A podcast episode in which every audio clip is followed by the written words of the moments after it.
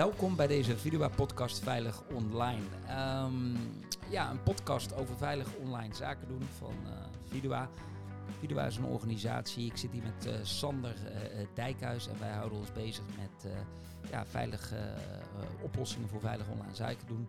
En Sander en ik ja, willen al heel lang een podcast houden.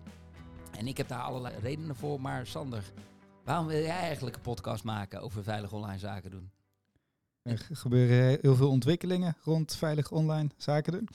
Ik, heb er ook, uh, ik wil er ook heel veel over praten. Alleen ik ken niet zoveel mensen in mijn uh, eigen netwerk die uh, erover willen luisteren. Dus misschien kunnen we op deze manier andere mensen vinden die het wel willen. Want wij worden er heel warm van. Hè? En we werken dus ook allebei bij, bij Vidua. En ik, misschien is het, gaat het één stap te ver om te zeggen dat we echt van onze hobby ons beroep hebben gemaakt. Maar wel van onze, onze passie en on, onze drive om de wereld veiliger te maken ja, dat houdt ons eigenlijk wel dagelijks bezig. En uh, of zorgen we ervoor dat we dat in onze, in onze werkzaamheden natuurlijk uh, implementeren en, en, meenemen.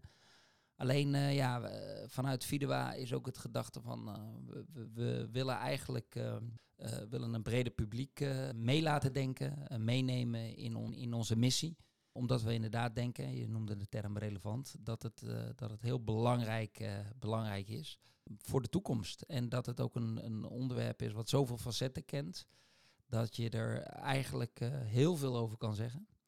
Um, ja, we zijn dus van een, een, ja, een commerciële organisatie en dat wordt al heel snel als heel spannend gezien, want dan zullen wij wel alleen onze producten willen plotten. Nou, we, we leggen heel onze visie en ziel en zaligheid in die producten. Dus we zijn ook zeker uh, uh, zeer betrokken daarbij. We zijn daar ook uh, enigszins trots op.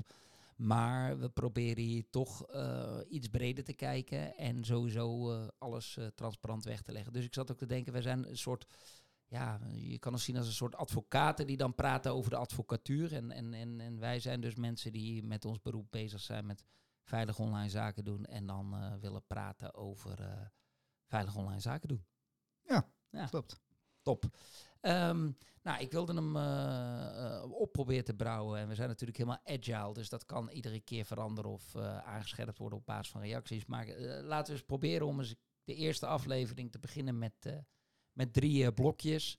Um, er zijn eerst wat maatschappelijke vraagstukken. Dat kun je zien, dat vind ik het meest interessant natuurlijk. eigenlijk alles wat op ons afkomt, socio uh, ja, sociologisch, denk ik. Nou ja, in ieder geval dat, dat wat, wat gebeurt er in de, in de samenleving en uh, uh, waarom, waarom zou dat dan veilig kunnen zijn of onveilig of betrouwbaar of onbetrouwbaar en, en wat, wat moeten we daarmee? Um, dan toch iets toegespitster naar die, naar die theorie rond het, het, het meer echt, ja, de, de, de vraagstukken die dan echt gaan over cryptografie misschien of uh, uh, wet en regelgeving.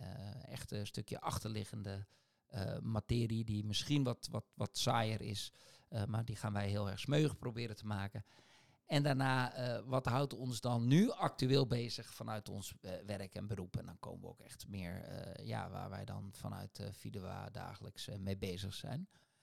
Dus zo wilden we hem opbouwen. heb je daar nog iets aan toe te voegen, Sander? Nee, ik kijk er echt naar uit. Oké, cool. Dat is mooi. Uh, ja, Sander is bij ons verantwoordelijk voor het, uh, voor het lab. Dus die uh, weet eigenlijk is hij uh, ja, een beetje de nerd van ons twee, maar is die helemaal niet. Maar ik heb laatst geleerd dat het woord nerd is een typisch voorbeeld van een woord wat vroeger een negatieve connotatie had. En daar heb je ook een naam voor, ik moet het even opzoeken. En tegenwoordig een positieve. Dus het is tegenwoordig een soort uh, geuzennaam. Dat als je nerd wordt genoemd, dan dat, nou, hebben mensen daar respect voor. Het komt natuurlijk omdat tech heel ons leven is uh, gaan beheersen. En dat al die mensen als de Zuckerbergs, waar je ja, die misschien vroeger gepest werd op het schoolplein, dat die nu eigenlijk de master of the world geworden is. Hè? Uh, maar, uh, dus ja, bij, bij Sander geldt hetzelfde. Dat is helemaal geen, geen nerd, maar hij is wel technisch zo onderlegd en theoretisch dat het heel fijn is om hem erbij te hebben. Ook nog geen master of the world. Nou, dat ook niet. Wil, wil je dat worden? Nee, dat lijkt me niet nodig. Nee, nee, precies. Daar ben je toch bescheidener, denk ik, dan een, dan een Zuckerberg. Um, nou, dat is misschien wel leuk als, als, als Master of the World en Rule the World. Even om ons eerste blokje van naar de maatschappelijke vraagstukken. Ik vroeg me eigenlijk af, ben jij een tech-optimist of een tech-pessimist? Mijn uh, antwoord zou dan zijn nee. Oké. Maar wat is, uh, wat is je niet nerde antwoord? Ja, ik, ik bedoel, je kan optimistisch of pessimistisch zijn over iets als het weer. Of, of uh, misschien iets anders wat je minder echt onder controle hebt. Uh, ik denk, ja, in, hoeverre technologie ons iets oplevert, dat bepalen we toch uiteindelijk zelf met elkaar als mensen. Uh, bedoel, wij, ja, wij maken die technologie, wij passen hem toe of, of kiezen om hem niet toe te passen. Um, en uh, ja, dus dan gaat het veel meer om ben je optimistisch of pessimistisch over andere mensen en wat, uh, wat zij kiezen te doen en ja, te maken en te laten. Oké, okay, maar dan ga ik vanmiddag ga ik, uh, met mijn dochter, die wilde eigenlijk vanmiddag naar een museum, maar ik zei nee, ik moet podcast maken. Maar we gaan vanavond, eind van de dag, gaan we naar die film Oppenheimer.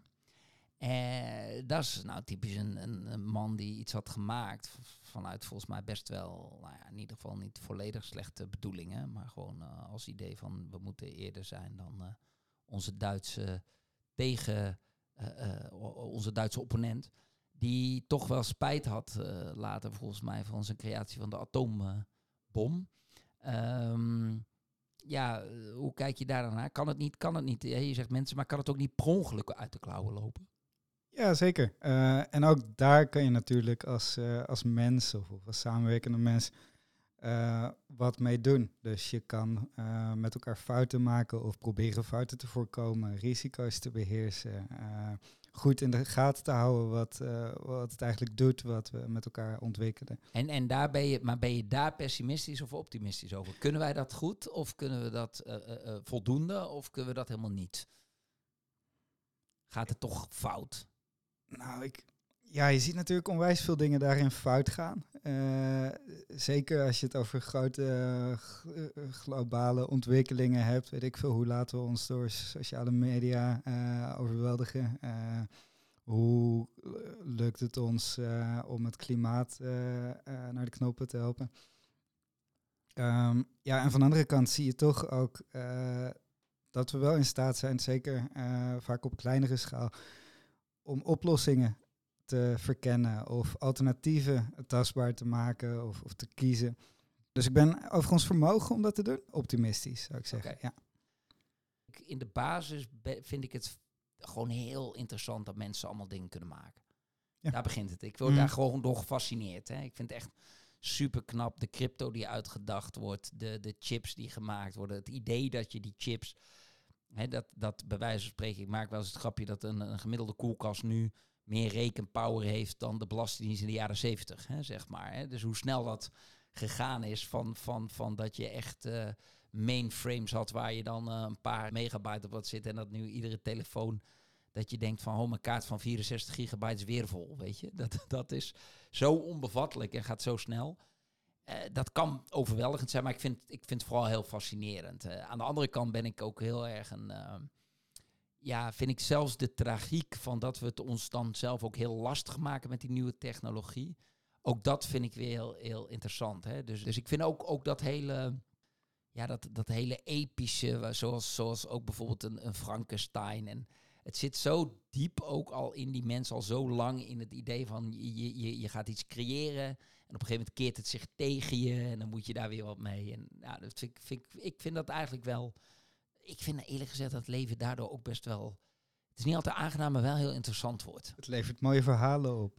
Precies. Ja, en wat ik dan heel interessant vind, is hoe kan je dan randvoorwaarden maken? Misschien juist met technologie of, of door technologie toe te passen. Om die positieve samenwerking voor elkaar te krijgen. Dus of, of wel voor elkaar te krijgen dat we reflecteren op hoe we bepaalde technologie inzetten.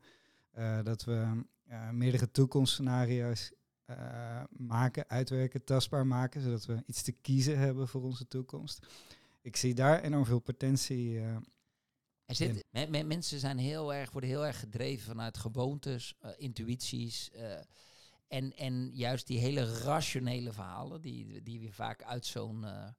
de rationele feiten, die vinden we vaak onaangenaam en, en, en zelfs niet eens heroïs. Je hebt zeg maar zoveel Moneyball die dan wel weer heroïs is geworden. Maar dat gaat over een honkbalcoach en die gaat puur op cijfers gaat hij eh, eh, mensen selecteren. En dan uiteindelijk Mm. komt hij, en het is gebaseerd op een echt verhaal, zeg maar, komt hij op een hele feitelijke benadering, komt hij eigenlijk tot een vrij succesvol eh, team. Zeg Gaat maar. alle charme uit de sport eigenlijk. Daar, nou, precies dat gevoel hebben we wel, toch? Ja. Dat dan de charme eruit Ik heb gaat. hem niet gezien, maar ik kan me zo voorstellen. Ja. Ja, ja, ja. En, en, en dat, dat, dat vind ik dan ook wel weer heel interessant.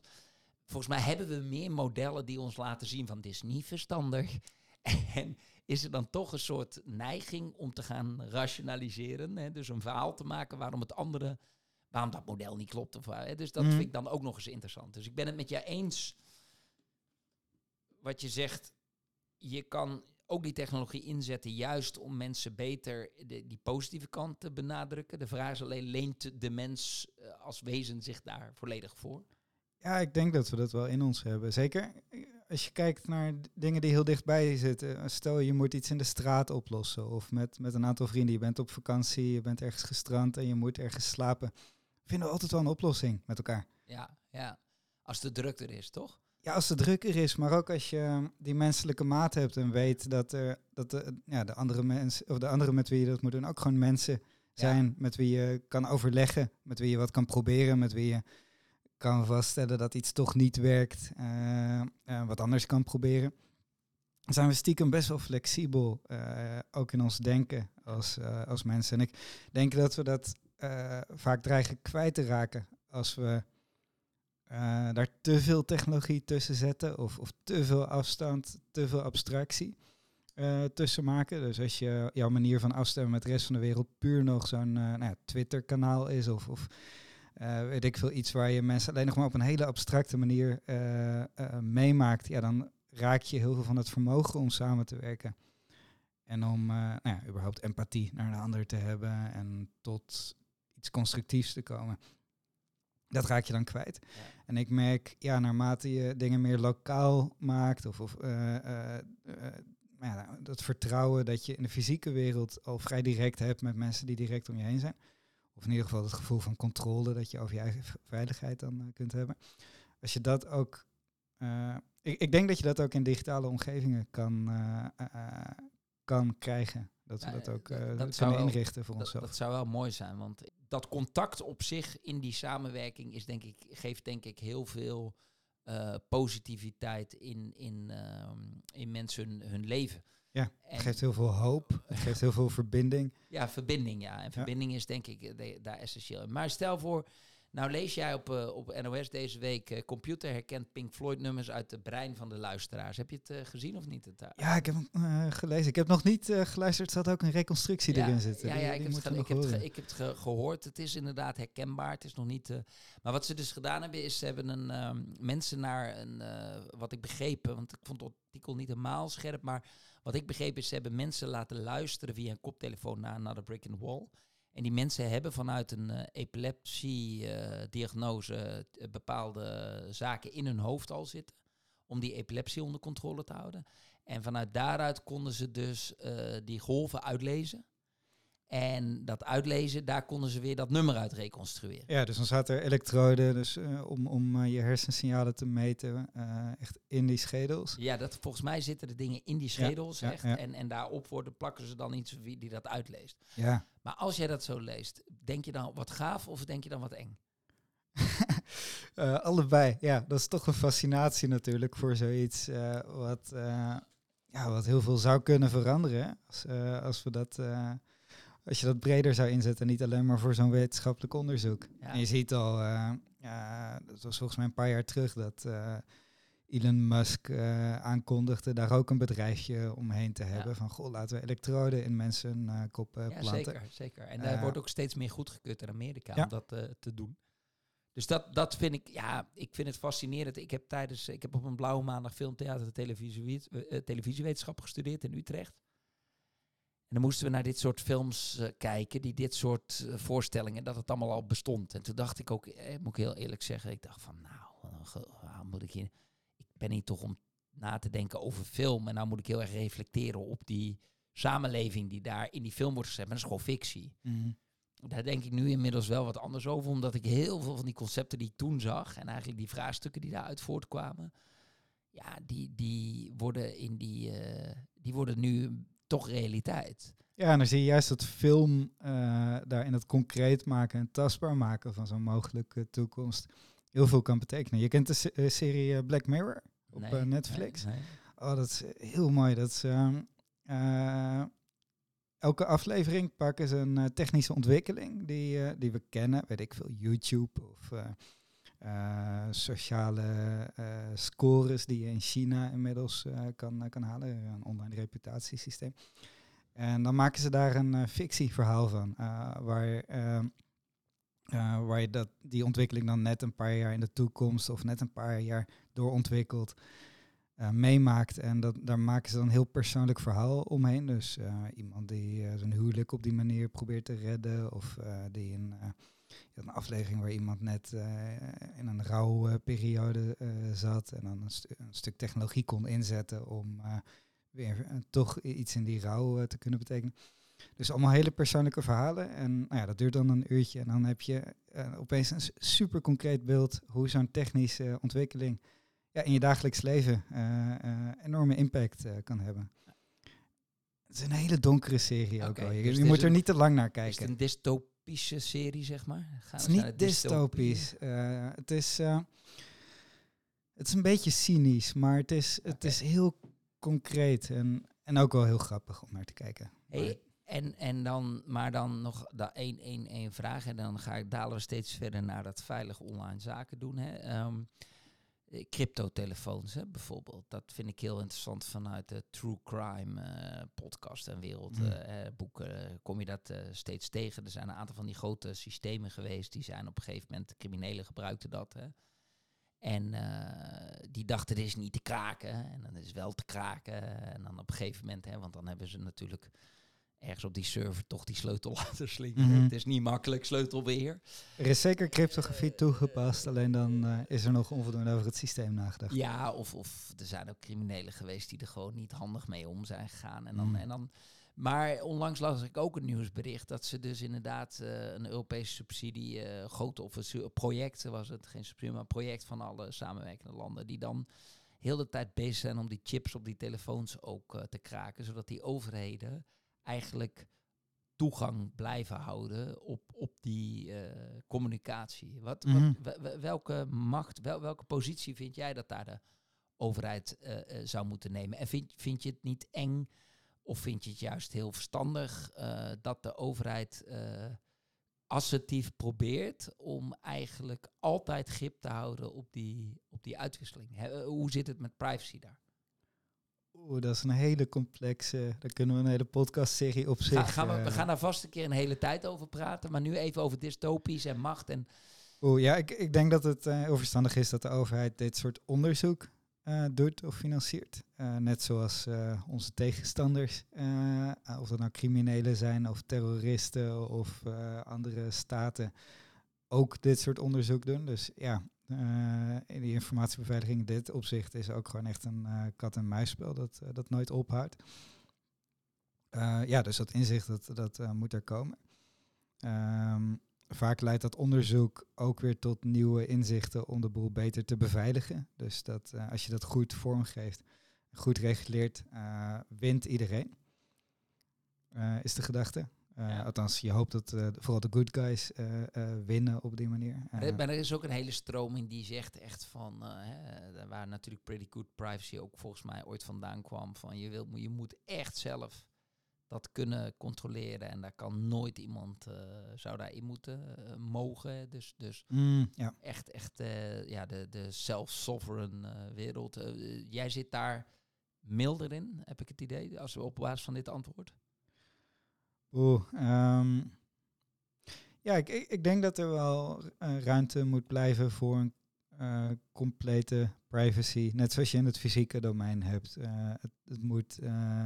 het fysieke domein, ja, kan je prima in je eigen huis, in de kamer, een gesprek hebben waarvan je toch redelijk wijs vanuit mag gaan dat dat niet wordt afgeluisterd. En ja, van de andere kant is het wel mogelijk dat er een, dat er een afluisterapparaat Ja, is geïnstalleerd. Dat, dat, dat sterker nog, hè, als het Openbaar Ministerie jou echt heel erg verdenkt van hele erg stoute dingen, dan kunnen ze eh, mensen naar binnen sturen om zelfs eh afluisterapparatuur daar eh, op te hangen. Ja, exact. Eh, Ehm. dus dat, maar dat, dus, dus daar zit. ehm, Maar daar zou je eigenlijk naar een soort vergelijkbare principes moeten gaan dat iemand pas eigenlijk tussen aanstekens afgeluisterd zou kunnen worden als daar ook hele sterke verdenkingen zijn. En het nadeel is natuurlijk met al die, al die chatverkeer, hè, is dat iedereen die daarmee gebruik van heeft gemaakt, is eigenlijk automatisch verdachte geworden. Maar het zou in theorie ook kunnen zijn dat een, uh, een journalist een cryptotelefoon had, omdat hij uh, zijn bronnen wilde beschermen.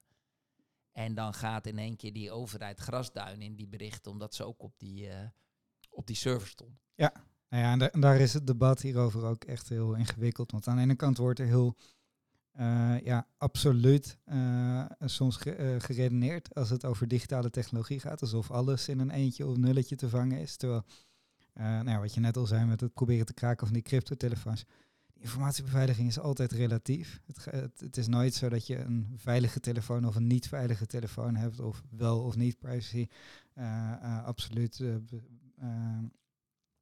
beveiligd tegen, tegen iedereen die zou willen meeluisteren is altijd een risicoafweging en, en uh, ja, een bepaalde mate van veiligheid die je kan krijgen. Net als in het fysieke domein. Ik bedoel, ik kan mijn huis uh, zo proberen te beveiligen dat, uh, dat er geen afluisterapparaten in kunnen worden geïnstalleerd. Ja, en toch met een voldoende sterke stormram kom je wel door mijn voordeur heen. Ja, ja. Dat is in het digitale domein natuurlijk uiteindelijk niet, uh, niet, niet, anders. anders nee. uh, heb je ook, uh, ook dat soort vormen van geweld. En dan zie je dus ook dat, dat, dat zeg maar de,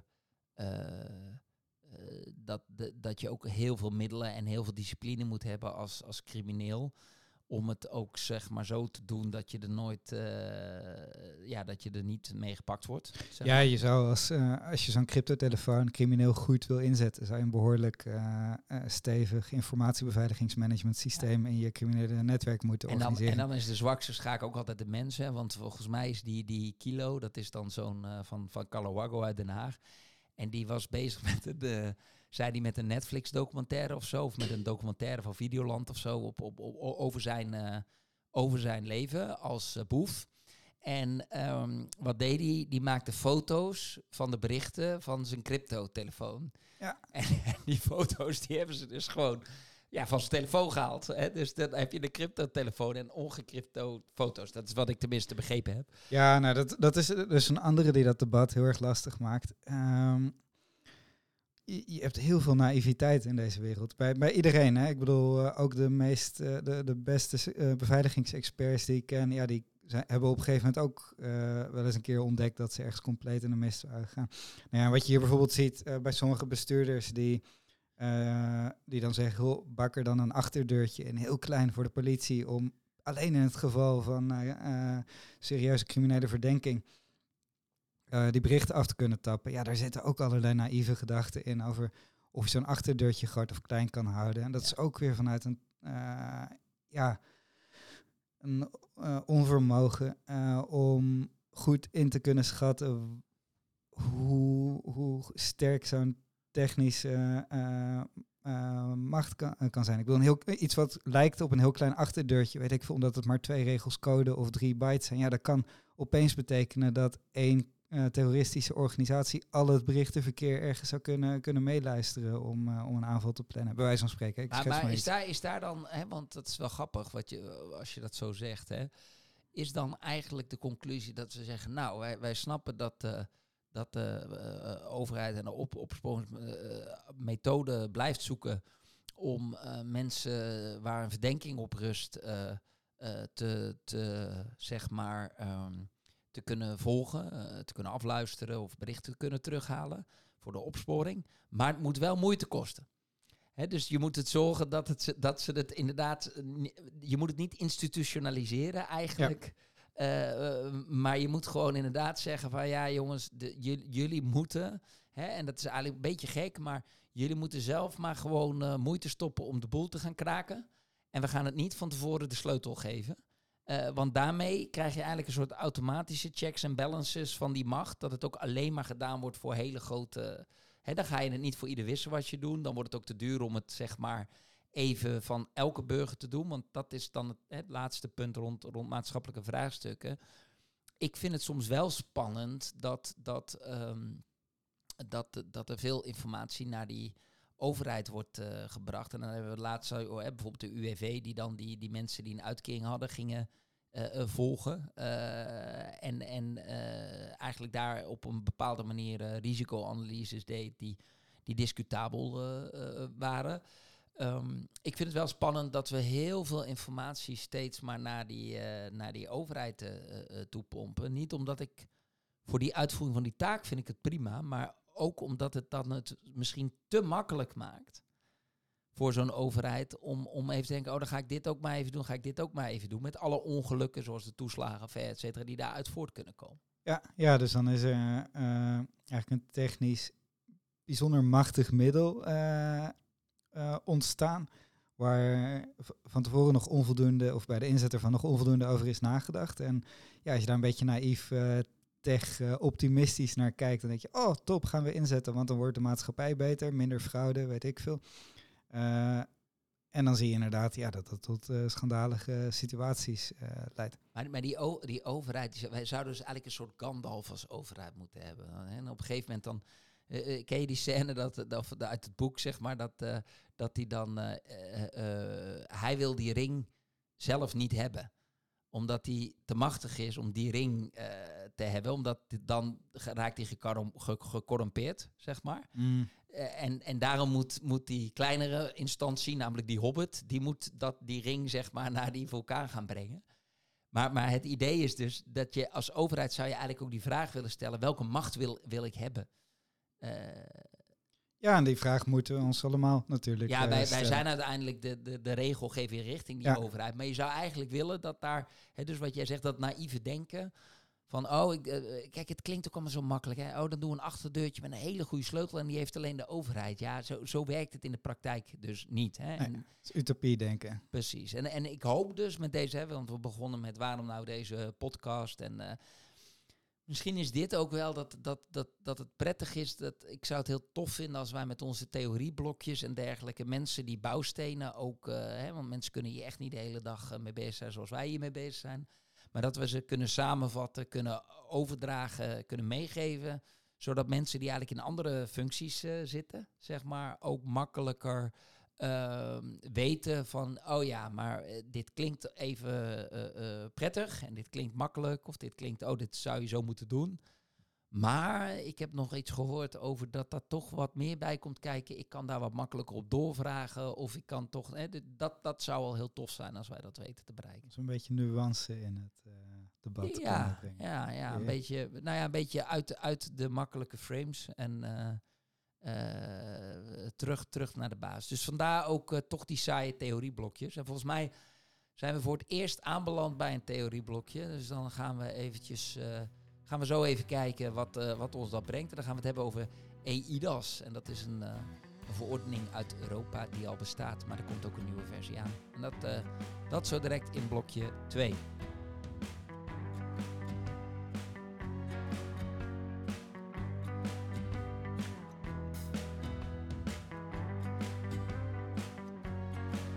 Goed, naar de theorie. We gaan het hebben over EIDAS. En dat is een regulation, een verordening 19-2014 van de Europese parlement natuurlijk. Uh, en uh, dat gaat over Electronic Identification and Trust Services for Electronic Transactions in the Internal Market.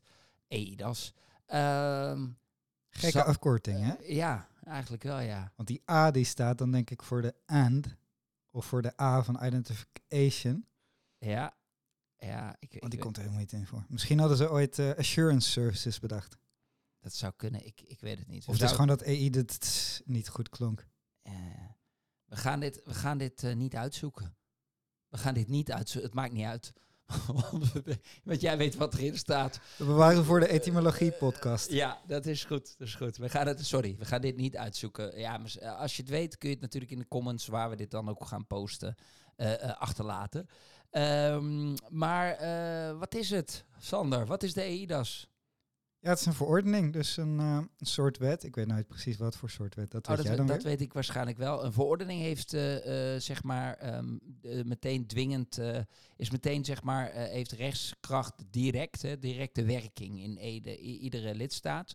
Dus een richtlijn moet je nog zelf implementeren door zelf zeg maar in lijn met de richtlijn ehm, regels te maken, wetten te maken. En dan krijg je een wet, de, een Nederlandse wet die een richtlijn implementeert. En een verordening, dat is eigenlijk, die, die behoeft niet nadere uh, uh, uitwerking. Want alles wat daar staat is ook gewoon direct uh, hoe het in Nederland moet zitten of in die andere landen. Dus die moet je gewoon volgen. Die moet je gewoon volgen, dat is het idee, ja. ja dus die, een verordening heeft eigenlijk meer kracht, zeg maar. Ja, althans is meer eenduidig. En daar kun je ook volgens mij niet tegenin. Hè. In richtlijn heb je nog bepaalde ruimtes en kun je bepaalde eigen in, ja, je implementatie aanpassen op je eigen rechtsgebied. Maar dat kan bij verordening niet. Dus het is een sterke, een sterke uh, stukje tekst, want het heeft veel, veel werkingskracht, zeg maar. Juist. Ja, en wat uh, EIDAS dan probeert te verordenen, en dat ook al een, een aantal jaar doet, is een aantal zaken om online vertrouwen te organiseren. Dus uh, eigenlijk de probleemstelling waarmee ze beginnen is, eh, het, zou heel relaxed zijn als we meer vertrouwen konden hebben in de online omgeving. Om, voor onze economische en sociale ontwikkeling. Um, en ja, dat, dat is er onvoldoende, dus we gaan daar een aantal regels op, op afspreken. En die regels die zien op twee dingen, dus dat, dat zag je in die titel, Electronic Identification. Dus ja, wie, wie ben ik en wie ben jij dan? Um, en hoe, hoe weet ik dat en hoe zeker weet ik dat? En uh, vertrouwensdiensten. En dat, dat vertrouwensdiensten, dat zijn diensten die online aangeboden worden dan? Ja, dat zijn diensten die ofwel door een commerciële dienstverlener zoals wij, of door een overheidspartij worden geleverd om, als je dan online iets doet met elkaar, een transactie, weet ik veel, ik, ik koop iets van jou of ik, ik krijg een stukje informatie van jou om dan op die transactie um, betrouwbaarheid toe te voegen. Te zorgen dat, dat bijvoorbeeld de informatie die ik dan krijg of, of de rechten die ik heb, dat ik daar ja, meer rechtszekerheid over krijg. En, en ze hebben het over, we moeten vertrouwen hebben. ze hebben het volgens mij ook in het Nederlands over de rechtszekerheid die je hebt als je iets hebt gedaan online. Ja. Verder wordt vertrouwen niet heel scherp gedefinieerd, toch? Oh, dat is ook een heel moeilijk, moeilijk concept. Nee, ik het wordt wel geoperationaliseerd. Dus er wordt heel specifiek in de EIDAS gezegd... Goh, in welke dingen zouden we nou dat online vertrouwen willen organiseren? En hoe ziet dat er dan uit? Uh, ja, wat dat vertrouwen nou precies is, uh, dat is volgens mij zoiets wat je dan uh, op een gegeven moment ook ervaart of terugziet inderdaad in, in volumes. Dat je meer online met elkaar doet. Blijkbaar is er dan meer vertrouwen in, in dat online gebeuren. Ja, en, en je kan dus, dus eigenlijk wat je gaat doen is je gaat vooral meer zekerheid over bijvoorbeeld het rechtsgevolg van iets geven. Uh, duidelijkheid daarover, waardoor vervolgens mensen ook, uh, um, als ze het zeg maar van tevoren meer vertrouwen kunnen hebben. Dus eigenlijk is vertrouwen de outcome van de onderdelen die uh, eh, EIDAS probeert te reguleren. Ja, dat is, dat is, dat is in ieder geval de, de visie. Dus als je een vertrouwensdienst inzet voor een bepaalde transactie, uh, nou, stel wij, uh, wij twee doen, uh, doen online zaken en ik stuur jou een stukje informatie waar je recht op hebt. En we kiezen om daar een vertrouwensdienst op toe te passen. Dan levert die vertrouwensdienst ja, wat assurance, dus wat zekerheid. zekerheid over die transactie. met de gedachte dat, dat wij dan meer vertrouwen in de uitkomst maar kunnen bijvoorbeeld dat, dat die echt van jou afkomstig is. Bijvoorbeeld dat die echt van, ja dat hij echt bij mij aan is gekomen. Hoe laat jij hem verzonden hebt, hoe laat ik hem geopend heb, dat soort dingen. Ja, dat soort dingen. En dat werkt twee kanten op. Dus aan de ene kant uh, levert dat een meer gecontroleerd proces op. Dus um, grotere kans dat dat proces slaagt. Dat die informatie inderdaad gewoon überhaupt op tijd bij je aankomt. Uh, met, uh, met alle garanties die ik wil hebben. En aan de andere kant wat de EIDAS ook organiseert is als dat nou niet lukt. Uh, of of als, als je, uh, wij daar uiteindelijk een dispuut over hebben. Um, dan zorgt, zorgen een aantal maatregelen uit die verordening. Dat we dan uh, dat op juridisch ook goed met elkaar kunnen uitvechten. Dus dat En we dat dan allebei ook het bewijs daarover hebben. Ja, e- en, en ook dat, dat de rechter wat meer handvatten heeft wat hij ermee zou moeten. Ja, want dat was eh, zeker bij het eh, instellen van die verordening soms nog best wel een probleem. Ja, die rechter die krijgt dan eh, een, eh, een floppy of weet ik wel, CD-rommetje met allemaal eh, bewijsmateriaal erop. En ja, dan zegt de ene partij, ja, kijk maar, dat is een handtekening. En ja, wat, dan moet die rechter vervolgens bepalen, oké, maar ja, ik bedoel een handtekening met pen en papier, dat ken ik nog wel. Of als er een getuige bij is geweest, is, eh, nou, daar hebben we allemaal processen voor. Maar ja, die floppy of dat CD-rommetje, dat was een beetje die tijd natuurlijk. Eh, ja, wat moet ik daarmee? Oké, maar dan even terug. Hè. Dus we zeggen hij heeft eh, twee poten. Hij heeft die identificatiepoot, wie ben ik? En hij heeft die vertrouwensdienst en die zijn veel diverser. Die EIDAS, die, die brengt eigenlijk een soort... ehm, eh, ja, interoperabiliteit is het woord volgens mij. Probeert interoperabiliteit te bereiken tussen lidstaten, toch? Ja, ja, dat is heel vaak bij technologische wetgeving vanuit de EU überhaupt het, deel, eh, het, doel. Dus interoperabiliteit tussen lidstaten, zodat, eh, zodat je daar een opener interne markt krijgt. Zodat je vanuit het ene lidstaat zaken kan doen met klanten uit een ander lidstaat of, of met, met organisaties uit een andere lidstaat. Ehm, dus daar is al best wel vergaand eh, eh, geharmoniseerd op standaarden, op eh, eh, vereisten, op regels en ook het een en ander verplicht gesteld. Met name aan de overheden in de EIDAS.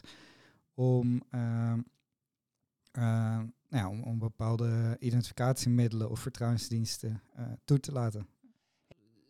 is het dus, het gaat er dus ook over die harmonisatie, het idee, hè, want interoperabiliteit, dat is bijvoorbeeld dat als onze treinrails breder is dan die in Duitsland, dan moeten die treinen, die hebben dan een probleem, zeg Ja. maar. Dus je wil dat, dat, dat is prettiger dat als we zaken doen met Duitsland, dat die trein in één keer door kan rijden. Ja, maar exact. dat, dat kun je hier dus ook doen. Dus ik teken hier, zet ik een, een, zo'n handtekening op. Hè, en dan zegt die rechter, eh, maar, maar ik doe zaken met een Belgische partij.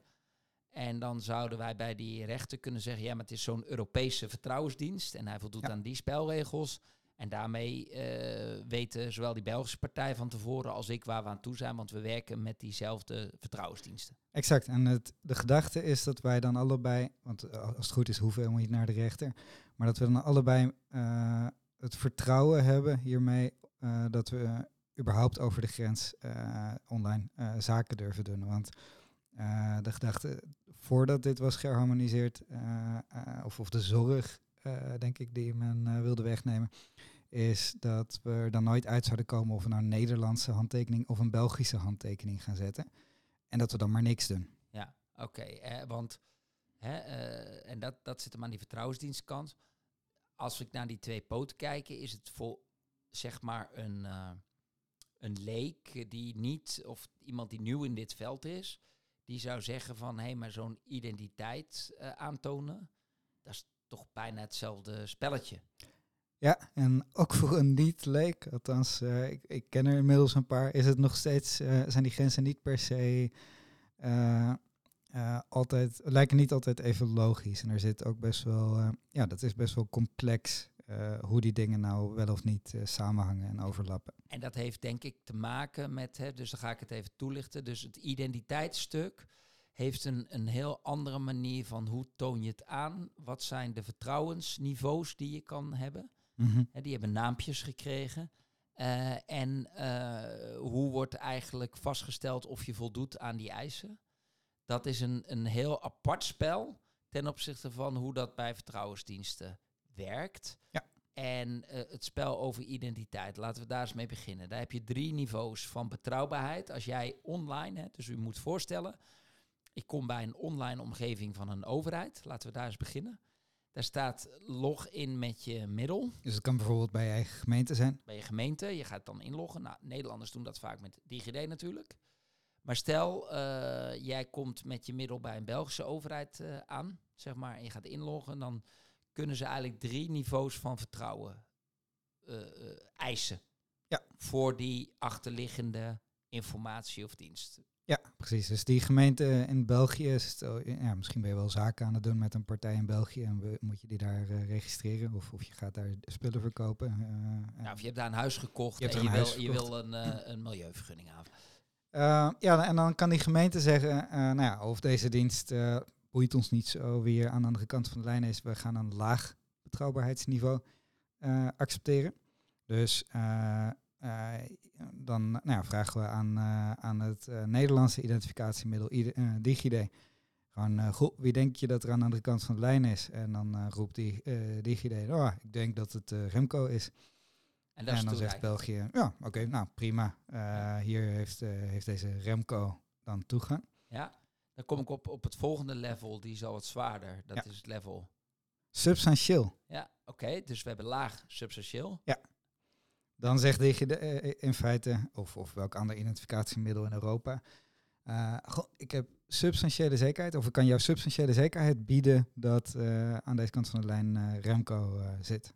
Dus um, dat, dat inlogmiddel, en een middel klinkt vaak ook heel moeilijk, maar je moet hier denken aan iets op je telefoon, pincode of username, password, of er is iets wat jij in bezit hebt, waar, of, of wat aan jou gepresenteerd wordt, waarvanuit je dan gaat zeggen, ik ben Remco en dit is mijn uh, wachtwoord waardoor je die, die zekerheid kan krijgen. Mhm. Of dit is mijn pincode. Maar um, bij, als ik het goed begrijp, heb je bij Substantieel al best wel wat onderzoek gedaan. Dat dat, dat uh, username password of met dan nog een aanvullende check echt hoort bij de persoon die, die zegt dat hij is, ja, toch? Dus lastiger om mee, uh, mee te frauderen. Of om uh, bijvoorbeeld uh, identiteitsdiefstal ook, ook mee te plegen. Ja, en, en, en even dan meteen toch, voordat we dan, dan gaan we zo ook nog, dan bestaat er ook nog een middel hoog. Ja, dus we hebben het laag substantieel hoog, maar even we hebben in ieder geval twee dingetjes waar het om draait. Hè. We hebben aan de ene kant hebben we hoe sterk is dat uh, de manier waarop jij eigenlijk uh, steeds digitaal kan aantonen dat jij het bent. Dus username, password met een, uh, verificatie via een sms of een, of een sterke app met een pincode. Mm -hmm. dus, dus, dus dat. en je hebt zeg maar hoe goed is gecontroleerd bij wie dat username, password hoorde. Ja, precies. Dus ooit aan het begin bij het uitgeven van het middel uh, ja, is, is dan naar je paspoort gekeken misschien? Of is er een brief uh, in een envelop naar je huisadres gestuurd? Of uh, ben je ergens voor een balie verschenen? Ja, dus dat bepaalt ook die betrouwbaarheid. Bij DigiD hè, wordt er een, als je substantieel wil, dan heb je, kan dat met een app. Hè, dan is dat app dat middel. Dat is, app zit echt op jouw telefoon. Dus ja. dat kan je niet zomaar naar een andere telefoon brengen. dus dan heb je een stukje wat bezit. Jouw telefoon met jouw pincode daarmee kun jij zeg maar steeds aankomen. Alleen om dat te activeren had je ooit een brief nodig. Ja, precies. En die brief die landde in, hadden ze opgezocht waar woont die meneer Van Wijk. En die meneer Van Wijk die had bij het BHP-register was die ingeschreven. Dus ze wisten ze ook met hoge, vrij hoge zekerheid dat ze hem niet naar, de, naar een heel ander iemand toestuurden. Want ik had zelf controle ook gehad om me daarin te schrijven. En toen moest ik wel misschien met een paspoort bij uh, ooit een keer, ik weet het eigenlijk niet. Maar mm. ooit is die keten begonnen. Ja, ja, ja, ah, En dan hebben we dus nog hoog. Dat komt nu niet superveel voor. Nee. Um, en is wel heel interessant, want wat er dan uh, gebeurt is dat de ene lidstaat tegen de andere zegt: Goh, ik heb met hoge mate van uh, betrouwbaarheid uh, hier Remco van Wijk staan voor de boord. Um, en dat is bijvoorbeeld als je bij, uh, uh, nou ja, echt bij gevoelige persoonsgegevens, misschien wel patiëntgegevens. Nou ja, dan, dan, zie je, en dat is meteen al uh, best wel lastig voor die overheden, overheidsorganisaties die dit nu moeten implementeren. Die moeten dus voor heel veel diensten gaan vaststellen, goh, ja, met welke mate van, van betrouwbaarheid, met welk betrouwbaarheidsniveau wil ik eigenlijk weten dat er iemand voor de poort staat. En die maken dan de afweging, goh, hoeveel, uh, hoeveel mensen hebben inmiddels toegang tot zo'n middel op dit, op dit betrouwbaarheidsniveau. Dus dan zie je dat nou ja, heel veel mensen inmiddels best wel met lage betrouwbaarheid kunnen inloggen. maar nog niet, nog niet zoveel met substantiële of hoge, dus niet evenveel. Um, en het zal een piramide zijn. Hè? Dus een, ja. een hele grote basis nu met laag ja. uh, DigiD. Maar je wordt eigenlijk toch best wel gedwongen om naar substantieel te gaan. Ja, want je merkt eigenlijk heel veel overheidsorganisaties merken, ja, maar het kan toch niet zomaar dat er zoveel persoonsgegevens puur achter een username paswoord zetten. Dat, uh, daar is inmiddels zoveel identiteitsfraude mee gepleegd, diefstal. Uh, dat is niet meer verantwoord. Nee. Dus die gaan dan op zijn minst op substantieel zitten. En dan heb je natuurlijk nog het, uh, het, het, het, zeg maar, een kleine, kleine groep die dan, die dan hoog doet. Nu is even het ingewikkelde. Dus dat is wel belangrijk om dat te blijven benoemen. Het ingewikkelde is dus dat dit zijn spelregels vanuit EIDAS dat je een middel, de, bijvoorbeeld DigiD, kan ook in dat spel meedraaien. Alleen wij hebben het in Nederland gewoon geregeld met DigiD en dan praten we ook over DigiD laag, substantieel en hoog. Mhm. Dat is niet dat je dan automatisch in Europa dat hebt als DigiD zijnde. Dat je dan hetzelfde, dat, uh, dat, dat je dan meteen erkend wordt door de Belgische overheid. Daar moet je wat voor doen. Ja, nee, dus de gedachte in Europa is dat elke lidstaat sowieso intern wel belang heeft om hier, uh, om hier wat te organiseren. En de, nou ja, de, ene, uh, de ene lidstaat regelt het helemaal zelf, de andere besteedt iets aan, de andere richt een stelsel in met meerdere middelen. Um, maar waar die EIDAS dan op ziet, is het erkennen van elkaars middelen en het toetsen van elkaars middelen naar een uh, nou ja, relatief objectief ja, een systeem van betrouwbaarheidsniveaus. Ja, en dat, dat, dat is een, een niet heel ver geoperationaliseerd kader.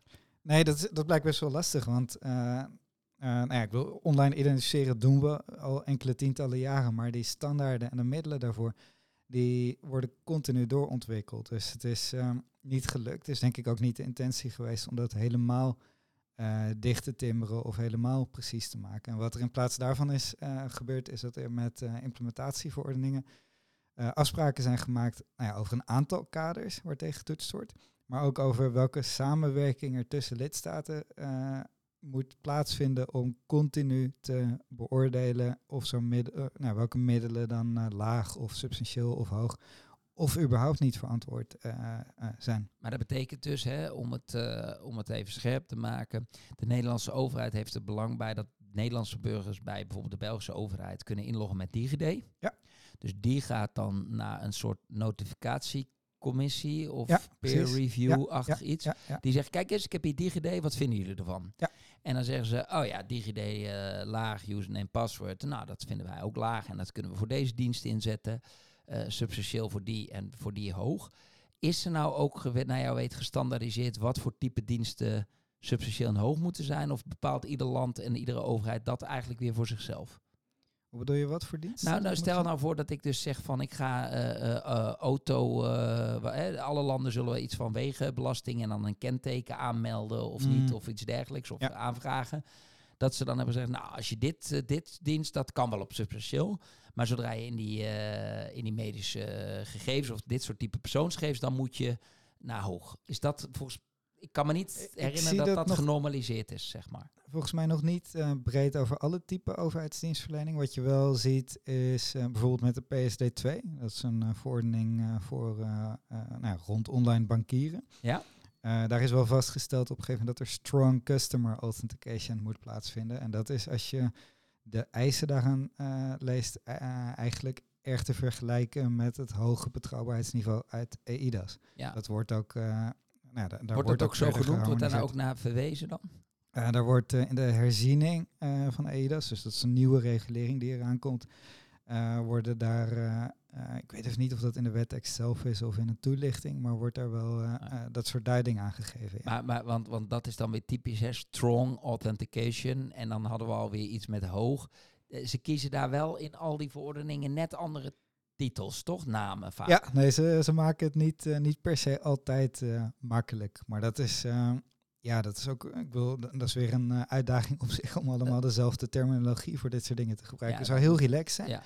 maar, Maar het is ja, ook soms politiek misschien om dingen daar ambigu te houden. Omdat je anders nooit tot zo'n besluit komt. En iedereen weet ongeveer wel wat er staat. Maar je, je hebt ook nog wat ruimte, uh, zeg maar. Ja, ja, ja. ja. Hey, want, want, want dan heb ik het in, in, in, in Nederland. Maar het is dus... Um, uh, het is dus heel lastig om bijvoorbeeld als, als privaatmiddel uh, nu je kan nergens een, een, een soort stempel halen dat jij substantieel of hoog bent.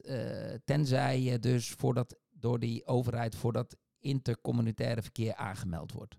Ja, en daar wordt hij uh, wordt wat complexer. Dus wat je uh, ziet is een aantal overheden, en nou ja, de Nederlandse overheid met uh, e-herkenning en met wet digitale overheid ook aan begonnen.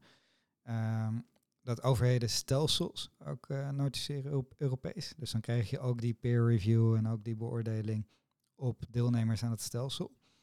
Um, en wat je aan de andere kant ziet is, bij die vertrouwensdiensten heb je vaak dezelfde uh, verplichtingen. Uh, daar wordt vaak zelfs uh, direct verwezen naar de verplichtingen. Ja, maar daar, daar, gaan we het dan even zo over hebben. Ja. ik wil heel even terug naar een, een, stelsel. Hoe moet ik me dat voorstellen dat de overheid zegt wij houden, wij nemen de verantwoordelijkheid eigenlijk over een set aan uh, middelen, uh, private aanbieders. En die private aanbieders die halen hun diploma bij ons. En als ze hun diploma bij ons hebben gehaald, dan uh, kunt u ervan uitgaan door al onze waarborgen dat ze wel weer voldoen aan die niveaus die uit, uit, die, uit, uit dat stelsel komt? Ja, dus zo'n stelsel bestaat uit een aantal componenten, waaronder een set van afspraken of eisen die dan uh, door de stelselbeheerders of door een samenwerking zijn vastgesteld. Uh, en een aantal deelnemers. Um, ja, bij erkenning zijn dat uh, volgens mij allemaal private deelnemers, maar je hebt ook andere stelsels. Nou, onder wet digitale overheid worden dat publieke en private deelnemers. Ja, en de erkenning wordt bij ons in het zakelijk domein. Als je ja. als burgers, nee, als bedrijf jouw medewerkers met de overheid zaken wil laten doen, dan, dan kies je voor een e-erkenningsmiddel. En dat mm. zijn er meerdere. Dat ja. zijn uh, private partijen. En met die private partijen uh, ja, uh, kun je dan, krijg je dan ook zo'n lijstje en lo log nu in met X, Y of, of Z ja. uit e-erkenning. Dat is nu onder toegang geschoven, zo heet dat stelsel volgens ja, mij. en, en dat is weer voor de wet digitale overheid, want daar wil men ook voor de Nederlandse context, voor de burger, dat soort middelen toegaan uh, laten. Ja. Uh, en dat ook een Nederlandse burger met een privaat middel, wat hij al heeft gehad, omdat hij daar zaken mee doet, ehm, met andere private partijen kan gaan inloggen bij de Nederlandse overheid. Precies. Nou ja, en dan, dan gaat het om in eerste instantie inloggen bij de Nederlandse overheid, maar dan ligt het voor de hand om opnieuw de deelnemers van dat stelsel Europees ook te notificeren. Ja, zodat als je dan uh, het middel wat je voor de Nederlandse overheid gebruikt, ook in België kan gebruiken. Hè? Ja. Dat is uiteindelijk dan het idee. Ja, en dat is toch de gedachte ook van de dienst of, of de toegang die je aan je burgers dan wil, uh, wil geven. Ja. Uh, het moet makkelijk zijn om hier zaken te doen en hier je, je, nou, je, je, maatschappelijke en economische zaken te regelen. Maar het moet ook makkelijk zijn om dat over de grens te doen. Eh, als daar kansen, of, uh, kansen liggen of als je daar iets moet, uh, moet regelen. Maar als jij dus hele mooie spulletjes maakt, uh, maar je doet niet mee aan een van deze stelsels nog, dan is het dus niet aan te tonen via een toezichthouder welk niveau je hebt. Je kan geen stempel halen. Ik ben nu substantieel of ik ben nee, hoog. Nee, dan kun je niet, inderdaad niet binnen deze stelsels een stempel halen. En je hebt natuurlijk wel allerlei andere stelsels of contractuele afspraken waarmee je dat kan doen. Dus je kan bijvoorbeeld uh, uh, onder bankentoezicht uh, dingen organiseren. Dan maak je daar met de banken afspraken over. Of je kan direct in een contract gewoon tussen twee organisaties zeggen... Goh, wij vinden dit voldoende maatregelen om, om aan het gewenste betrouwbaarheidsniveau. Ja, maar dus je kan prima natuurlijk, je zou ook een, eh, een audit eruit kunnen nodigen en zeggen, voldoe ik aan deze spelregels? Waar het mij meer om gaat is, uh, als een, een organisatie, uh, als, als je nu het stempeltje hoog of substantieel wil hebben, dan heb je dat in die intercommunitaire context onder die, onder die stelsels. En een, een Nederlandse ehm, hè, bij ons is dat de RDI, dat is de autoriteit op dit gebied. Die is niet bezig om andere partijen te beoordelen. Dus het zijn echt de Nederlandse overheid bepaalt uiteindelijk met welke middelen zij dit spel willen spelen. Ja.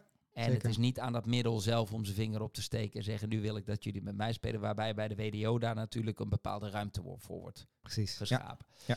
Oké, uh, daar gaan we het echt in een volgende podcast echt een keer heel uh, erg nog de diepte in, want daar is onwijs veel over te vertellen. Maar dit was dus de poot identificatie Eh, en eigenlijk het doel was, eh, mensen doen zaken met een middel, met de overheid, eh, om daarin te kunnen loggen op allerlei webdiensten. Laten we in godsnaam zorgen dat ze dat ook bij andere overheden in Europa dan kunnen gebruiken. Hè, Precies, even helemaal ja. plat geslagen. Ja, dat was de scope. En dan willen die andere landen wel weten, is het een beetje een fatsoenlijk middel? Nou, hoe fatsoenlijk? Daar zijn drie niveaus. Laag, dan is het heel erg laagdrempelig, maar ook weinig zekerheid. Substantieel en hoog, dan weet je het echt heel zeker. Maar dat wordt eh, in, in de praktijk niet superveel toegepast nog, Helaas. helaas. Mooi, gaan we het uitgebreid over hebben. Nu dan naar de vertrouwensdiensten. Kun jij, kun jij even opnoemen snel welke er ongeveer zijn momenteel? Welke vertrouwensdiensten? Ja, wa, wa, wat Herkennen we nu in herkennen- Europa? Kennen we in Europa en welke worden misschien in de EIDAS genoemd? Of?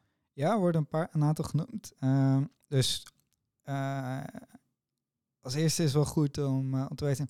ehm, ze introduceren dit in EIDAS als een eh, algemene term. Dus laat het ook open aan lidstaten om andere vertrouwensdiensten te bedenken en te, te erkennen.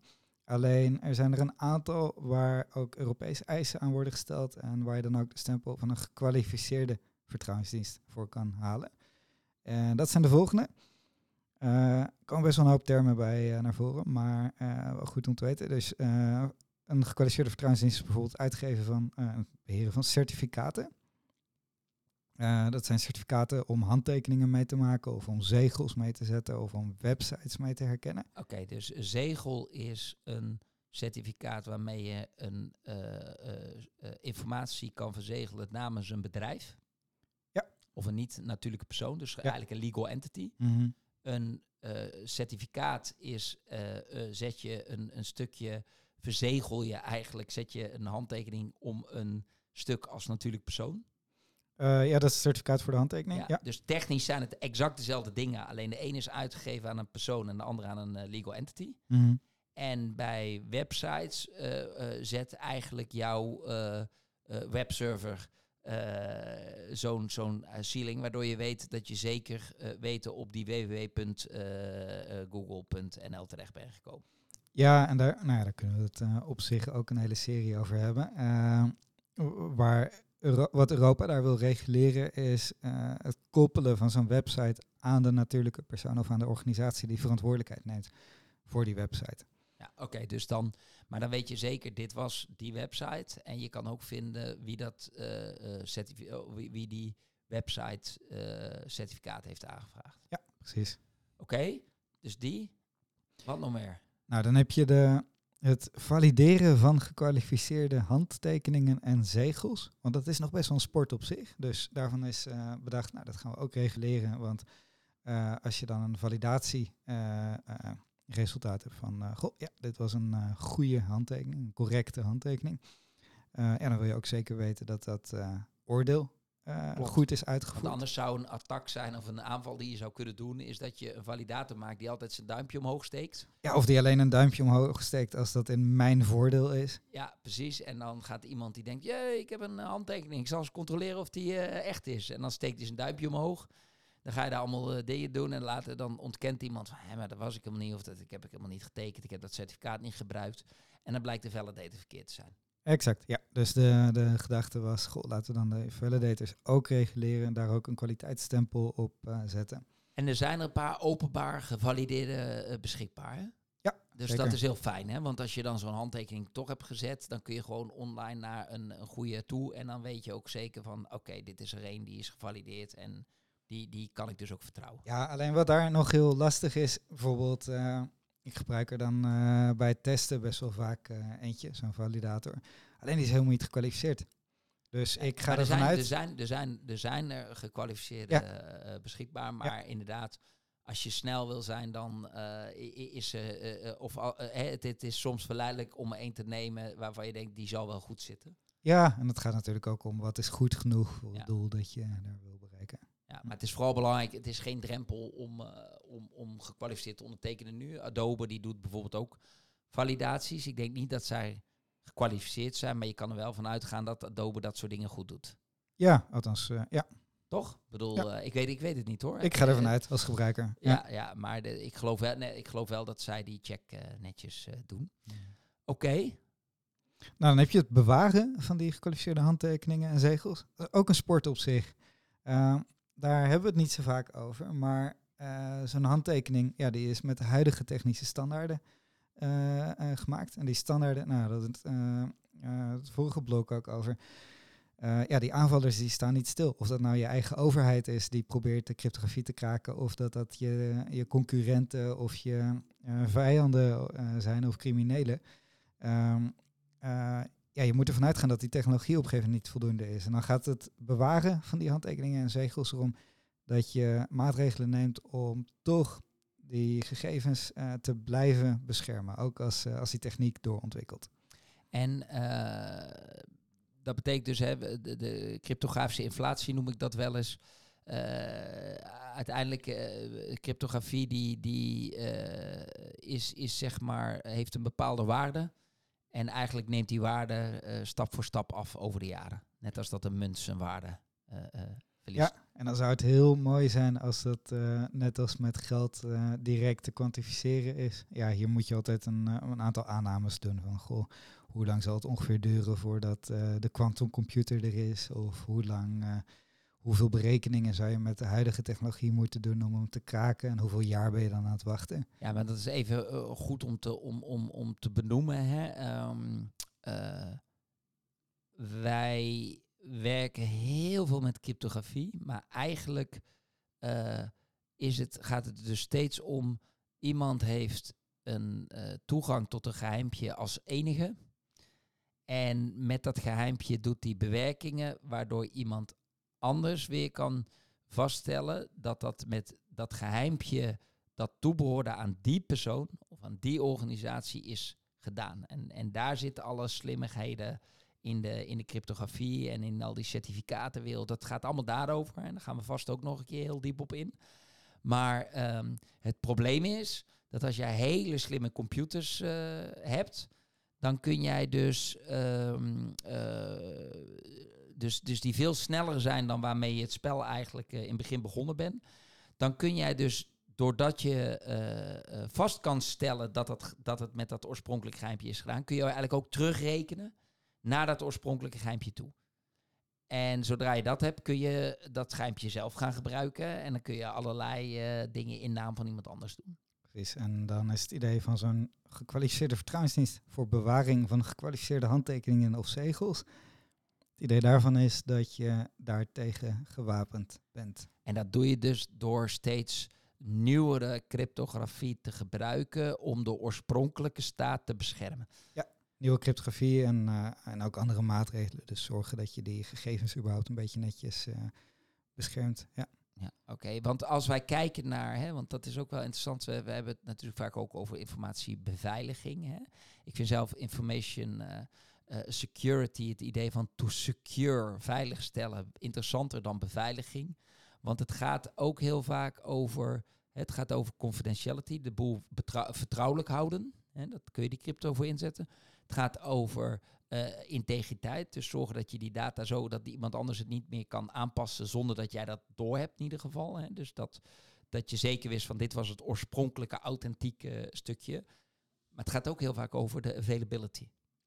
En dat betekent dat het beschikbaar blijft uh, van die informatie. Ja. En die laatste, die wordt wel eens door de... In de beveiliging sneuvelt die wel eens in de gedachten van de echte mensen die heel veel risico's zien.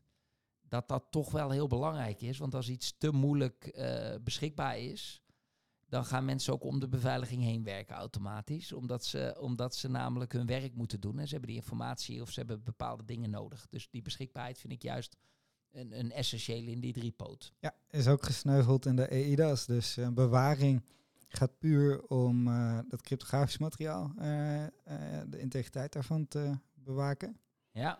En gaat niet over het beschikbaar houden van die gegevens voor de Maar nou komt er een nieuwe EIDAS-versie uit. Die mag dat allemaal gaan fixen. Ja. En daar zit wel archiving in. En daar zal waarschijnlijk wel dus die... Hè, er moet ook allemaal weer uit uh, uh, richtlijnen onder. Maar daar wil men dus wel die bewaring, denk ik. Ja, en, en dat is super belangrijk naarmate we meer uh, van onze waarheid ook digitaal aanhouden. Ja, je wil niet dat je je hypotheek dossier na twintig jaar eh, als, je, als je dan iets eh, moet herzien of, of je, je wil bepaalde rechten verhalen, dat je er niet meer bij kan. Ja. Omdat dat ergens eh, in de cloud stond en de cloud is het kwijtgeraakt. Ja, dat is heel rot. Precies, want dat is, dat is hè, het, het, het, het, het, vervelende van al die mijnomgevingen. Aan de ene kant zijn ze super praktisch. Je hebt ergens een verzekering, dan ga je naar de mijnverzekering. En dan eh, vraag je daar username en paswoord aan. En dat doen ze wat beter of minder goed controleren, maar vaak gewoon wel oké. En dan log je daar verder. En dan zie je, oh, er staan mijn spulletjes. Maar het is wel eigenlijk bij jouw tegenpartij waar dat staat. Dus op het moment dat zij na vijf jaar zeggen, nou, nou, we gaan ons archief opschonen of ze maken een, een fout. En ja, dan, dan staan al jouw spulletjes, al je contracten, al je dingen staan daar niet meer. Hè? Dus je Ja. zou het eigenlijk ook in je eigen controle, in je eigen omgeving willen, willen hebben. Ja, ze zeggen helaas nooit wie die mij is van die mijnomgeving, maar het is eh, zelden de eindgebruiker. Ja, het is mijn, het is mijn postvakje op jouw kantoor. Ja, ja, Ja, ja. en eh, dat is wat het is. Oké, eh, dus uh, lijst vertrouwens, zijn er nog meer? Qualified timestamps? ja tijdstempels. Die is, eh, die is ook heel mooi. Dan eh, doet een eh, eh, nou, de, de vertrouwensdienstverlener, die geeft jou dan een verklaring dat die informatie op een bepaald moment eh, bestond. Ja, dus dat is wel heel belangrijk. Ook weer in die combinatie met die handtekeningen. Want doet er niet altijd eh, alleen maar toe, wil ik dit of was ik dit met zo'n handtekening, maar ook op welk moment wilde ik dit. En dat kan heel bepalend zijn met rentestanden en dat soort zaken. Dus eh, als je dan ook nog de zekerheid hebt over de tijd, is dat heel, eh, heel prettig. Ja, ja. Hey, En dan heb je de allermooiste, dat is de aangetekende bezorging. Oké. en dat gaat echt over wie be- was jij het eh, en, en, en wanneer verstuurde je het, heb ik het geopend, eh, dat Ja. soort dingen. En eh, nou ja, ik ga het aan jou versturen. zorg er dan ook voor dat alleen jij het kan, kan ontvangen. Oké, en dan hebben we het steeds over gekwalificeerd. Maar volgens mij, en dan moet je me even ehm, corrigeren als ik het fout heb. Maar volgens mij heb je bij die vertrouwensdiensten eigenlijk dat ze zeggen, nou, ehm, gekwalificeerd betekent dat je voldoet aan de voor die dienst hoogste beveiligingsstandaarden. Ja, dus ehm, je moet voldoen aan een aantal specifieke eisen die dan in de EIDAS eh, of in de Implementation Acts eh, benoemd zijn. Ja, alleen, alleen er staat volgens mij als soort eh, eh, definitie, dus dat gekwalificeerd altijd aan de hoogste betrouwbaarheidseisen voldoet. En dan staan in die, waar jij het over hebt, staan ze dus wat dat dan betekent. Staat dan uitgewerkt. Ehm, ja, wordt in ieder geval, ik weet niet of er precies staat dat het de hoogste moeten zijn, maar het is in ieder geval een eh, soort baseline. Het is hoog genoeg om dat ook eh, tussen lidstaten van elkaar te, eh, mogen eh, vertrouwen. Dus daar is bij de keuze van die vereisten wel echt gemikt op die eisen zo, nou ja, zo hoog zetten dat, dat een lidstaat ook heel weinig belang heeft bij daar nog bovenop eisen stellen. Oké, en dan komt dus de volgende, zeg maar, de volgende vraag. Volgens mij zijn er in die vertrouwens, eh, ze hebben bijvoorbeeld de qualified timestamp is best goed eh, uitgewerkt. Ja. Gekwalificeerd ondertekenen eh, ook, Ja, zeg maar. zeker. Maar daar gekwalificeerd ondertekenen wordt ook eigenlijk meer, en de gekwalificeerd certificaat wat daarbij hoort, wordt eigenlijk wat meer aandacht aan besteed in die EIDAS dan aan andere vertrouwensdiensten. Ja, bijvoorbeeld de aangetekende bezorging. Er zijn wel een aantal eisen vastgesteld, maar die zijn nog heel beperkt. En dan zie je ook dat, eh, dat er best wel wat implementaties nu in Europa van zijn. Maar die kunnen nog niet per se allemaal met elkaar praten. Of die hebben niet allemaal eh, precies dezelfde eh, type beveiligingsmaatregelen lopen. En eh, dus eigenlijk over die handtekening kunnen we een heel apart, kunnen we binnenkort ook nog een heel eh, aparte podcast bij wijze van spreken houden, toch? Ja, die is, die is nogal concreet en ook best wel, nou die wordt gewoon succesvol toegepast. Ja, die, die, dat is ook een van de meest succes. Hè, dus de gekwalificeerde zegel en de handtekening, maar met name de handtekening en, en timestamp, die, die zijn wel. die hebben best een grote vlucht eh, gehad uh, afgelopen jaren.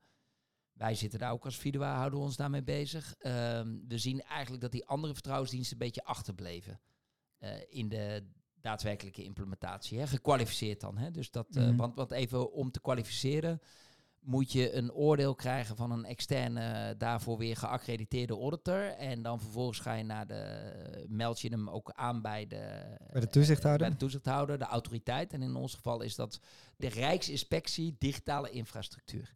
De RDI. Ja, en de, de, iedereen raakte er warm met de lettertjes. Maar dat maakt niet uit. Ze zijn hartstikke leuk. En ze moeten voor Nederland, uh, hou zij in de gaten, dat, dat hè, zij melden je aan in Europa en dan kom je op een lijst. Ja. En in Europa heb je dus allemaal lijsten en er staat op, nou, dit zijn vertrouwensdienstverleners. En wij moeten dan bijvoorbeeld bij die handtekening ook helemaal netjes uitwerken hoe we dat doen. Dan krijgen we heel vaak een auditor op bezoek, zeg maar. En die auditor die checkt alles of wij voldoen. En als die uh, zijn duimpje, als die zegt, nou, dit ziet er wel goed uit, dan krijgen wij weer onze verklaring. En vervolgens kijkt die, uh, de, de, de RDI komt zelf ook wel eens langs. En zo blijven wij op dat lijstje staan. En kun jij onze spelletjes als vertrouwensdienstverlener uh, vertrouwen. En weten waar we aan voldoen voor die handtekening. Maar we hebben dat dus bij, ja, tegenwoordig ook wel zegels. Maar bij handtekeningen hebben we dat best wel zien werken nog. Um, zeker de afgelopen anderhalf, twee jaar zie je daar best een grote vlucht. Die andere vertrouwensdiensten bleven, diensten bleven een beetje achter. En, en toen heeft eigenlijk Europa na de corona. Want tijdens corona dacht men van. Oh nee, we moeten eigenlijk veel meer zekerheid online hebben. Want we moeten nu alles online doen. Hè, dat is één kant. En ze hadden zelfs zo'n mooie wallet uh, gerealiseerd. waar je met een QR-code kon zien van. hoor jij bij die telefoon en heb jij je inentingen gehaald of heb je netjes getest? En toen dachten ze, 1 en 1 is 2, we kunnen de vlucht vooruit doen hier. Laten we een hele ambitieuze update van de verordening doen, waarbij we eigenlijk nog harder gaan drukken dat ook al die andere veilige online diensten een vlucht kunnen gaan nemen. En dat we meteen een wallet implementeren. Ja, en daar is zelfs uh, ook voor de handtekening gezegd, goh, gaat niet snel genoeg ja. wat, okay. wat, wat Europa betreft. Precies. Dus, maar maar uh, hand, je bent met me eens dat je daar best wel goed kan zien hoe het spel kan werken. Mm -hmm. Toch? Ten opzichte ja. van andere uh, vertrouwensdiensten. Ja. ja. Uh, en ze willen gewoon harder en sneller en meer. Zeker. En bredere scope. En ook met een politiek wat doorontwikkelde agenda. Dus er is wat eigenlijk wat meer druk om wat te doen tegen de Amerikaanse of de Chinese big tech. Ja, dus dat, dat is een derde poot eigenlijk. Ja. Hè? Dus we zagen de aantal ontwikkelingen die, die nu tot die nieuwe herziening leiden. Nou, um, dus dat is EIDAS uh, en, en, en dat zijn die vertrouwensdiensten. En ja, eigenlijk moeten we gewoon de komende tijd denk ik ook die diensten stap voor stap in podcasts af gaan lopen.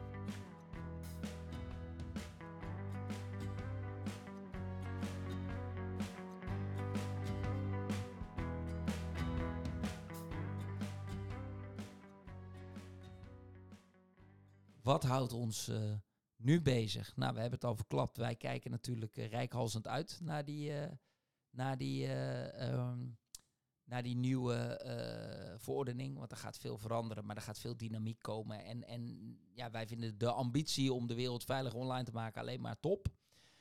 Maar er zijn ook best wel wat, wat ja, zaken bij die dan ook nog best wel wat denkwerk behoeven. Nee, net zoals de wettekst zit op het niveau van waar we helemaal in het begin mee begonnen. Het achterdeurtje, bij wijze van. En, en we moeten nu met alle landen gaan bedenken, ja, maar hoe, hoe moet alles er nu uit uh, uh? Um, waar ben jij, wat houdt jou nu, nu bezig, Sander? heel kort, waar, waar, waar, waar, waar, als jij zegt van ik word wakker in, en ik ben bezig met veilig online zaken doen, waar denk je dan aan? Ja, dan denk ik deze dagen aan de wallet. Oké. Okay. En wat is een wallet? Ja, dat vraagt iedereen zich ook af. Dus wat, uh, wat Europa nu doet, is uh, uh, het voorstellen van een nieuw kader, nieuwe regulering, voor de Europese digitale identiteit. De EUDI, of ja. de EDI, daar zijn ze nog niet okay. over uit. En ja, wat is dat dan, een Europese digitale identiteit? Ja, in de praktijk uh, uh, geloven we nu allemaal dat wordt een, iets wat je in een wallet stopt. Dus de, ho hoe, ik, hoe ik me online kenbaar ga maken, ja, dat wordt in de praktijk met mijn mobiel. En dan ga ik op mijn mobiel een pincode invoeren of mijn gezicht laten zien of, wat dan ook. En heb ik daar allemaal kaartjes in zitten en allemaal knopjes. En dan kan ik daarmee mijn digitale identiteit bedienen. Dat is natuurlijk heel fascinerend. Dat is fascinerend. Er, is ook, er zijn ook, ook mensen die daar heel, heel bang voor zijn. Hè? Uh, uh, omdat men denkt dat men vanuit Europa hier dus te veel macht, uh, hè, dus daar is men angst voor. Nou ja, dat is een van die vragen. Ja, wat is er dan een Europese digitale identiteit? Betekent dat dat Europa één grote database heeft van alle Europese burgers en dan straks ook een Europese belasting gaat heffen? Dat, nou ja, daar zie je nu wat angst over ontstaan. Ehm, ja, aan de andere kant kan je er ook optimistisch of constructief naar kijken. Ja, dat kunnen we met elkaar bedenken, wat het is, een Europese identiteit. Misschien is dat wel een identiteit waarbij Europa mij niet per se kent, maar waarbij ik zelf bepaal uh, aan wie ik mij kenbaar maak en misschien wel nog bij mijn eigen lidstaat, zodat ik belastingen kan betalen. Um, ja, maar wat, ik ben dan altijd een beetje naïef. Uh, nou, is niet een, nou ja, wel misschien wel. Ik denk dan van ja, kijk, als je nu naar Spanje op vakantie gaat. En dan kom je in zo'n uh, beetje, ja, uh, een beetje een hotel waarvan je denkt van, nou, is, informatiebeveiliging niet de hoogste prioriteit. En dan het eerste wat ze doen is de paspoort uit je handen gritsen, onder die kopieerapparaat leggen. Daarna hebben ze je creditcard nodig, ook onder een kopieerapparaat. Um, je kan ook denken van, hé, misschien hoef ik dan op dat moment wel eh, helemaal niet meer vanuit die Spaanse wet en regelgeving alles maar te geven. En, en is het met name vooral van uh, dat ze je terug zouden kunnen vinden als je daar uh, blijkt dat je daar allemaal heel veel blokken hars onder je bed had liggen of zo.